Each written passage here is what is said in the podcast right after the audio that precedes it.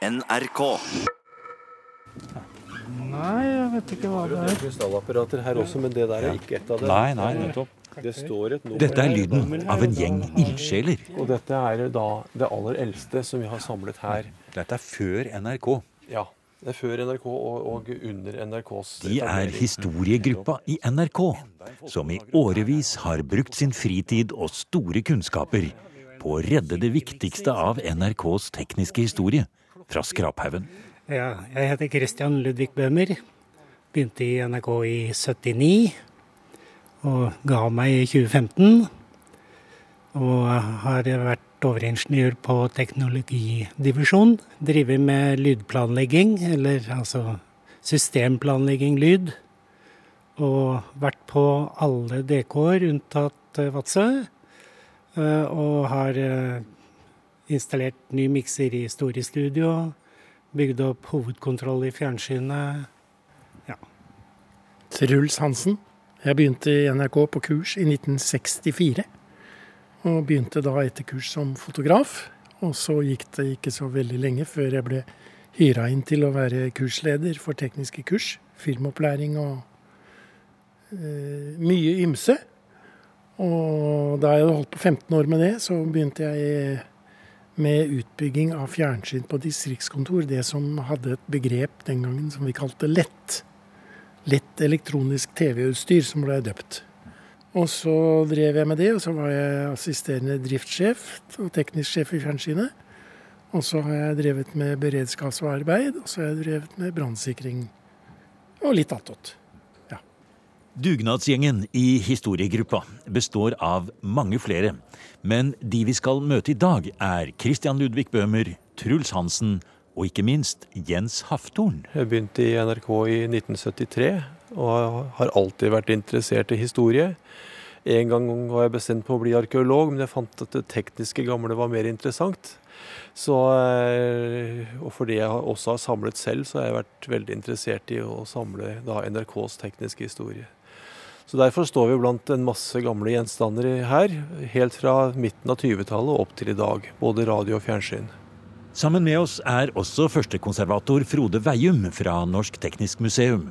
Han er ekspert på teknologi og industrihistorie, og har kommet hit til det enorme industrilageret, et sted på Alnabru i utkanten av Oslo, fordi denne store samlingen nå skal overtas av Teknisk museum, etter avtale med NRK. Og dette er en viktig del av den norske teknologihistorien, sier Veium. Ja, altså det er jo For oss Teknisk museum så er det jo fantastisk det samarbeidet som vi eh, nå har fått til med NRK. Og vi gleder oss til å begynne å jobbe med disse samlingene sammen med historiegruppa.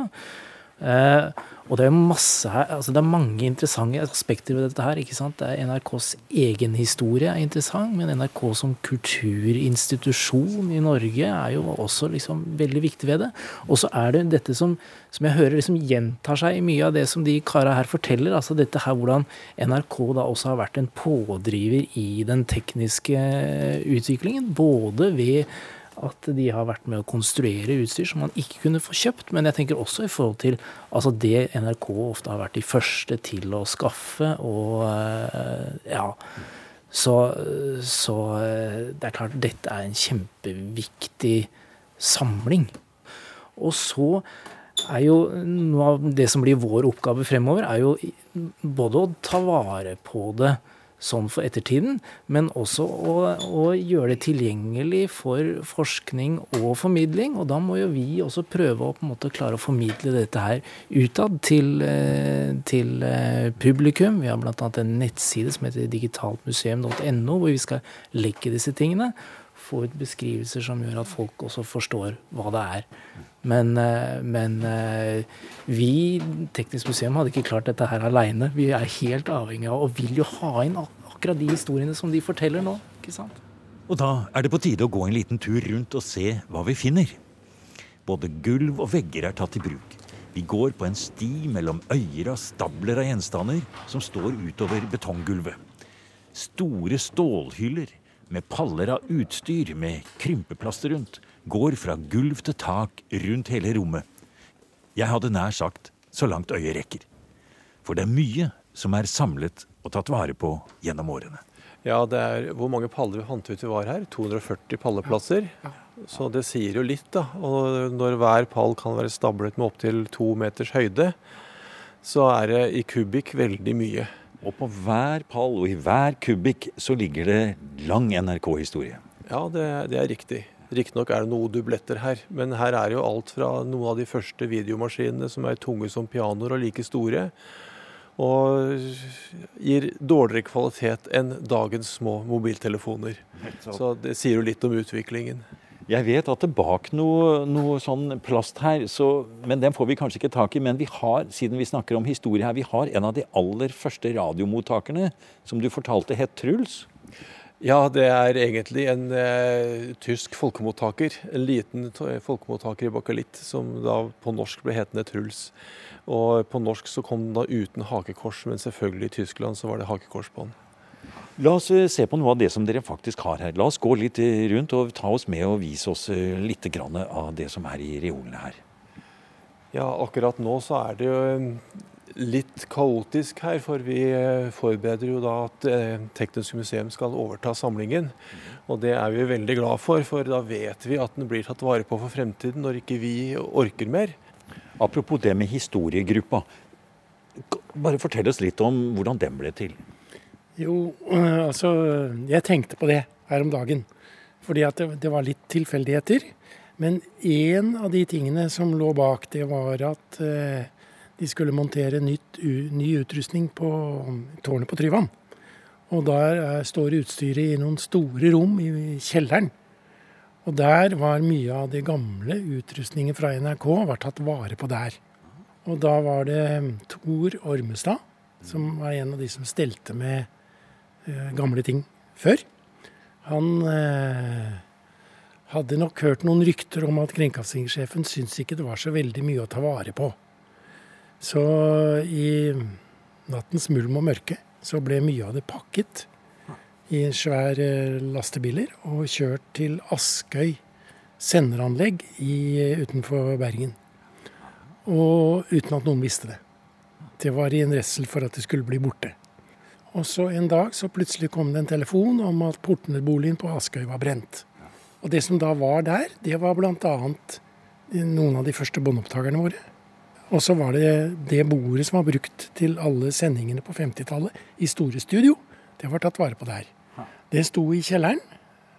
Og så var jo taket og toppen brent av, så når det da i løpet av vinteren kom snø og vann, så var det ikke så mye igjen av det når våren kom.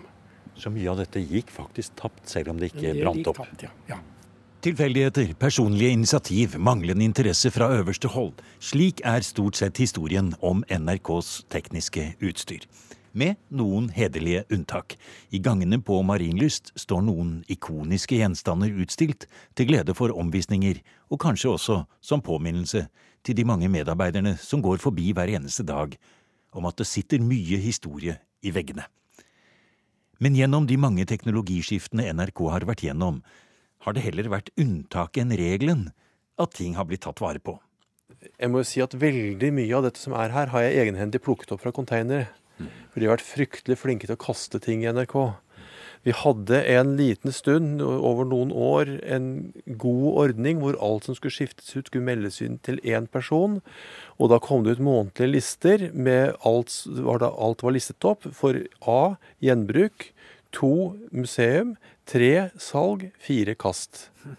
To personer etter hverandre fulgte dette her. Det var et veldig fint system. Og hans, da nummer to gikk av med pensjon, så var Truls og jeg og snakket med han som skulle overta. Og en mer uinteressert person har vi vel aldri vært borti, og hele systemet raknet. Da ble det bare kastet? Ja. Vi ba om å kunne få lov til å videreføre dette selv, men det fikk vi ikke. Jens Haftorn, Truls Hansen og Christian Ludvig Bøhmer i NRKs frivillige historiegruppe viser rundt på et stort industrilager hvor mange tusen gjenstander står lagret. Hver eneste en har sin egen historie. Det du ser som står på høykant der borte, det er det gamle lydkontrollbordet som sto i Dagsrevy-studio. Det har jeg vært med på å bygge det om og utvide det litt. Bak oss så står den første digitalstyrte mikseren Ja. som NRK hadde. Ja, der, ja. Den står opp og ned der. Det er en analogmikser, men det er digital styring. Hvor, den? Hvor var den brukt? Den var brukt i Studio 1 i, Ja, den der sto i Studio 4 i fjernsynet. Ja. Det at det var digital styring, gjorde at du kunne lagre oppsettet og hente det tilbake på kort tid. Eh, direkte under en direktesending. I gamle dager var det sånn at du måtte bruke halve mikseren, og så, hadde du e og så måtte du skrive opp alle settinger. Og da var det en som sendte på den ene halvparten, mens den andre drev og skrudde for, harde, neste, ja. for harde livet på den andre halvparten. Og så gikk det over Så n- n- fantastisk. når det kom en ny gruppe. Ja. Nå er det bare et trykk. trykk. Tastetrykk. Ja. Eh, Det har vært veldig mye eh, utvikling av nytt teknisk utstyr i NRK. Og det er da blitt overlatt til norske firmaer å produsere. Og de begynte jo etter hvert også å få egne utviklingsavdelinger. Det er en eh, interessant ting at de første kontrollbordene våre som ble utviklet i NRK, de ble produsert på Kongsberg våpenfabrikk. For de hadde en elektronisk og en mekanisk avdeling som var i stand til å utføre den type oppdrag. Etter hvert så ble det overflytta til et firma som heter Tore CM. CM Audio, Sandar, det, har skiftet, det firmaet har skifta navn etter hvert. Men eh, pga. utviklingen eh, på det store markedet, du får eh, mer og mer for mindre og mindre penger når det gjelder kapasitet og datamaskiner og sånt noe, så eh, er den produksjonen mer eller mindre borte nå. Men det har vært en del eh, sånn eh, sidefirmaer som har springet ut av en NRK-produksjon. Og det er enda et rom, ja, selvfølgelig, bak her. Ja da. Og her hvis- henger det vi- kabler, her står det arkivskap. Og enda et her på de svinger rundt der. Fytti katta, det er svært her, du. Det er svært. Å, Det er, se noe, oppover her. Hva er det der oppe, da? Her. Det er uh, utstyr som er lagret over det hele her. da. Ja. Og så har jeg forsøkt å sette lapper på hva som, hva som står. ja. Her står det Seas søylehøyttalere. Det, det er en hel pall full med Betamax eller noe annet. Dette er totoms uh, lydbånd, det er totoms videobånd. Ja. Og dette er egentlig ting som også skulle kastes, for, men jeg syns ikke man kan kaste, for hvis man skal ha en utstilling en Ja. gang, så må man ha noe stæsj rundt. Antagelig så er det vel noen programmer på dem òg? Ja, det er det. Det er det selvfølgelig. Hvis ikke noen har strøket dem på en strykemaskin, så er det programmer på dem fortsatt. Og her har vi kommet til et moderne rullelager, på en måte. Ja. Og svinger du den forbi en Tandberg eh, Er det en firespors eh, båndopptaker som, som mange kanskje husker? Som sto på mange rom rundt omkring. Det er også en del av industrihistorien. Tandberg har jo laget eh, noen av verdens beste båndopptakere. Ja. Og her Det er- åpner det seg nå. Det er så, dette er altså himmelriket for alle historisk interesserte, altså. Og her er det forskjellige små monitorer. Men Mikstrøm, ja. Og Dette er en, er en, er vi, begynner vi å nærme oss fantommating nå, eller? Dette er nok litt før den tid. Jeg er ikke helt sikker på hvor gammel denne er, men hvis du ser der, så står det et nummer, 256. Og eh, disse numrene ble satt på det aller tidligste utstyret som Erik Julsrud samlet. Han begynte å samle med tanke på museum allerede tidlig på 30-tall. Og derfor har vi egentlig kanskje en, en nokså unik samling med gammelt kringkastingsutstyr her. Fra den tiden hvor folk ikke kunne gå i butikken og kjøpe, men eh, det måtte rett og slett lages selv. Litt lenger innover i Her er jo noen løse spaker. Dette her er Å, se eh, her. Dette er uttenkt her i Norge. I tidligere NRK, altså Kringkastingsselskapet. Hvis du ser her, så, så ser du en sånn ja, du kan si en sleide som går over en masse punkter. Og mellom de punktene så er det trådviklede motstander. Slik at eh, du får en jevn eh, økning eller demping av, eh, av signalet som går igjennom. Dette, dette er altså funnet opp i Kringkastingsselskapet, testet ut og prøvd, fordi at man Ja. kunne ikke kjøpe selv en fader. da. Nei, det, det er for det var jo ingen som hadde laget det før. Så prototypen har vi. Den står utstilt på NRK for tiden. Og her ligger en hel eske av dem. Ja. Ha. Fantastisk. Hva er dette for noe da, som står her? En masse eh, vridbare planeter her. og- Er en sender? Transmitter. På engelsk, ja. Ja. Lagd i USA. Det er, det er noe som er innkjøpt. Ja. Det som er litt interessant i den sammenhengen, det er at eh, da kunne han plutselig kjøpe ja. sånne sendere for å lage direkte reportasje og vanskeliggjøre opptak fortsatt. Så veldig mye av sendingene gikk jo direkte. Men så var det da noen på laboratoriet i NRK som syntes ikke de var noe gode. De hadde 50 watt utgangseffekt. Eh, men så laget laboratoriet da en ny konstruksjon med 10 watt utgangseffekt, som i praksis var mye bedre. Og senere laget man da de selv. Å, her står nagrane! Her står nagrane. Ja. Å, så lekkert. Og her viser du fram her, Det her kjenner jeg fra nagrane. Den. Å, det er kudelsk. Ja, det er Nagras mikser. Ja. Og der borte har vi majakken. Å, har du en majak? Nei, den må vi se på. Har du sett? Så fantastisk. Ja, Beskriv den. Ja, det er ikke så lett å beskrive, men det som er spesielt, det er jo opptrekksmotoren, sveivende, ja. som sitter der. Ja. Og så kunne den jo ikke slette båndene selv, de måtte være sletta, og så kunne denne bare gjøre opptak. Nettopp. Og for et lite smykke av en koffert som det ligger oppi da. Eh, og et lite voltmeter her. Og disse to flotte sveivene. Eh, man sveiver opp. Det går jo selvfølgelig da ikke på batteri, men på holdt jeg på å si, på fjærebelastning. Fjærtrekk, ja. Så det er bare forsterkerne som går på som er batteridrevet. da. Å, se på denne mikrofonen her, da. Det er Western Electric, ja. ja. Nå tenker jeg sånn Toralf Øksnevold her, jeg nå. Ja. ja. Men, altså, det, det, det, var en mikrofon som var, som var brukt veldig mye på 30-tallet. Mm.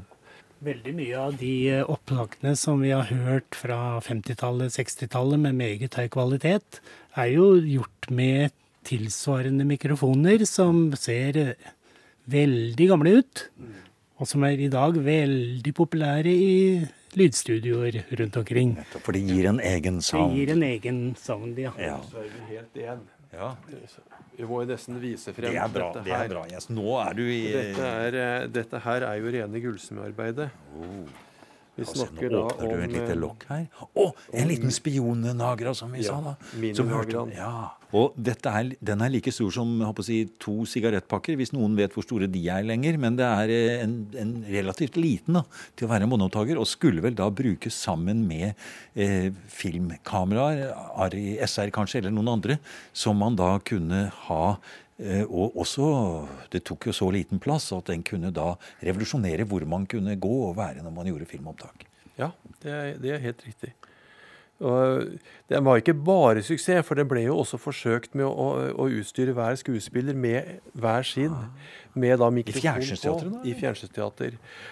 Problemet var at hvis man da var litt langt unna med kamera og så disse her på viss avstand, så hadde man jo da tett ved mikrofonstemme på lyden, og det, det, det passet jo ikke. For et flott eksemplar i dette her også. Og så ligger det i en original eske her. Å, det var vakkert. Det er et uh, smykke, ja. Det er, det er re, ja. rene gullsmedarbeidet. Og, og, det spesielle ja. med Nagra det er jo at de produserer jo alt selv, helt ned til den minste skrue. De har ingen underleverandører. Da snakker vi kvalitet, og det er vel én ting som dere kan skrive under på, vil jeg tro. At det man sa i gamle dager, var at NRK kjørte Rolls-Royce. Altså hvis det fantes noe å få kjøpt et eller annet sted i verden, som var bedre enn det man hadde, så ble det kjøpt inn. Ja da, det er riktig det. Og det har jo også vært noen som har eh, klaget litt på det. Hvorfor kjøpe Nagra til mangfoldige tusen kroner når man kunne kjøpe en Tandberg TB11 som gjorde akkurat samme jobben? Ja, den gjør akkurat samme jobben hvis det er 15-20 varmegrader ute. Men altså jeg, faren min var, var, ornitolog, og han var nede i, i Antarktis. Og da gjorde jeg et forsøk. Jeg frøs ned en Nagra 3 en Uher båndopptaker og en Tandberg 11 i fryseboksen. Det var da eh, minus 22 grader eller noe sånt, jeg husker ikke helt. Så tok jeg først opp TB11. Ikke antydning til liv. Tok jeg opp Uheren. Det var så vidt den let på seg. Tok opp Nagra. Den gikk som det skulle være 20 varmegrader. Det sier jo lite grann.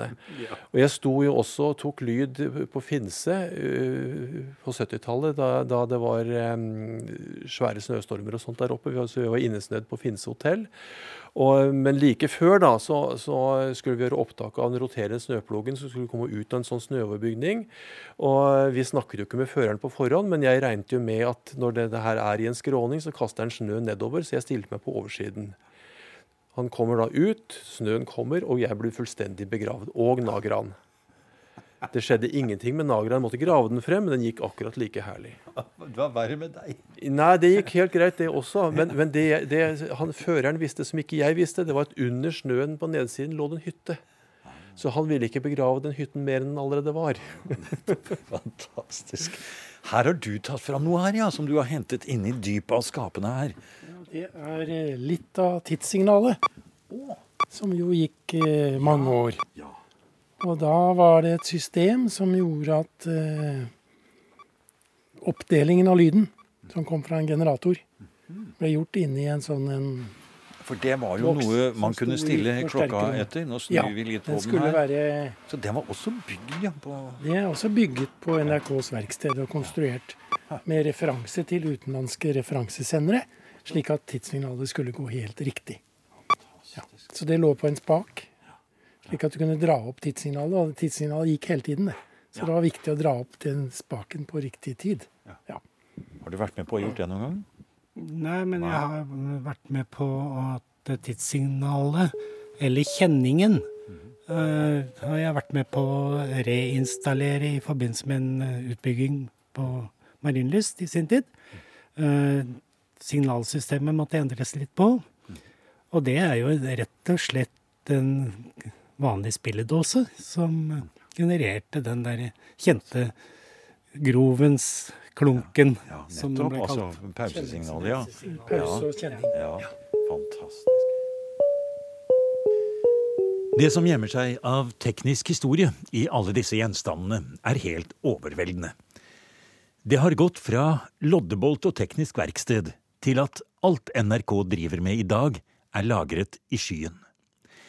I framtiden er det Norsk Teknisk Museum som skal systematisere og restaurere, og kanskje stille ut og formidle denne utviklingen som en del av norsk teknologihistorie. Det ligger i NRKs planer at også det store dokumentarkivet, fotografier og andre ting historiegruppa har tatt vare på, etter hvert skal lagres og arkiveres på en bedre måte. Det er meningen at NRK skal samarbeide både med Teknisk museum og eventuelt også med det private Norsk radio- og fjernsynsmuseum på Selbu, hvis det er ting Teknisk museum ikke trenger. Men én ting kan ikke komme på museum, og det er menneskene som skapte NRK. Over en kopp kaffe i sofakroken på Alnabru filosoferes det litt i historiegruppa om de store endringene som har skjedd, ikke bare med det tekniske utstyret, men også med selve mentaliteten i NRK. Endringer som kanskje bare blir synlige når man kan se seg tilbake over 50 år, som Truls Hansen kan. Han begynte i NRK i 1964. Da jeg begynte, så var det jo sånn at når vi var ute og intervjuet folk, så brukte vi de-form. Og det er ganske rart å høre nå på de gamle opptakene. Og det er en helt sånn annen tone i måten vi omgikk folk på. Og det var vel eh, ja, jeg, jeg vet ikke, men jeg antar at det var Erik Bye som var en av de få som greide å snakke med alle sorter mennesker, hvis vi kan si det sånn. Fra de øverste statsoverhoder til eh, virkelig mannen i gata, altså. Og det gjorde han med en enorm respekt for individene. Der, der var han fantastisk. Jeg hadde jo gleden av å jobbe litt sammen med han, og det, det er jeg glad for at jeg har fått være med på, faktisk. Her nikker alle. Erik Bye må vel være kanskje det navnet som forener alle i NRK i beundring. Ja, det tror jeg. Vi har jo Hva skal vi si, det heter vel ikke statue, men hodet hans står jo på plassen utenfor NRK, fordi at han var jo veldig toneangivende. Og så var han veldig hyggelig å jobbe med.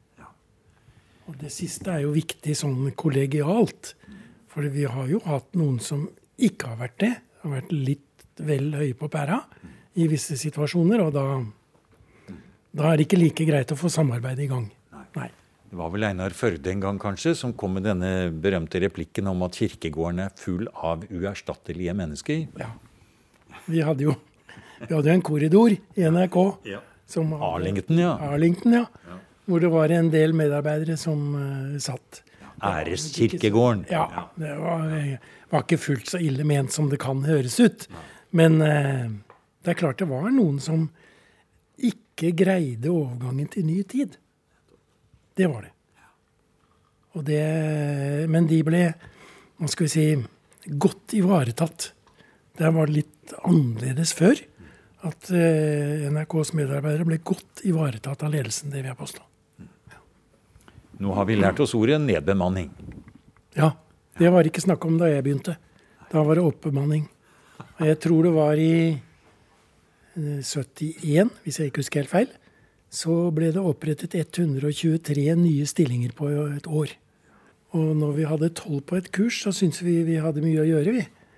Men etter hvert så hadde vi over 80 stykker på kurs samtidig, og da, da var det nok å henge fingra i. Ja. For da skulle vi utdanne både programmedarbeidere, produksjonsmedarbeidere og teknisk medarbeidere til å fylle masse stillinger hvert år. Så da, da, var det, da var en kollega som gjorde et regnestykke og fant ut at hvis vi holdt på sånn, så ville vi sånn ca. rundt 2000, så ville alle i Norge jobbe i NRK. Du har nå hørt en podkast av programmet Museum fra NRK P2. Og send gjerne en e-post til museum.krøllalfa.nrk.no. nrk.no.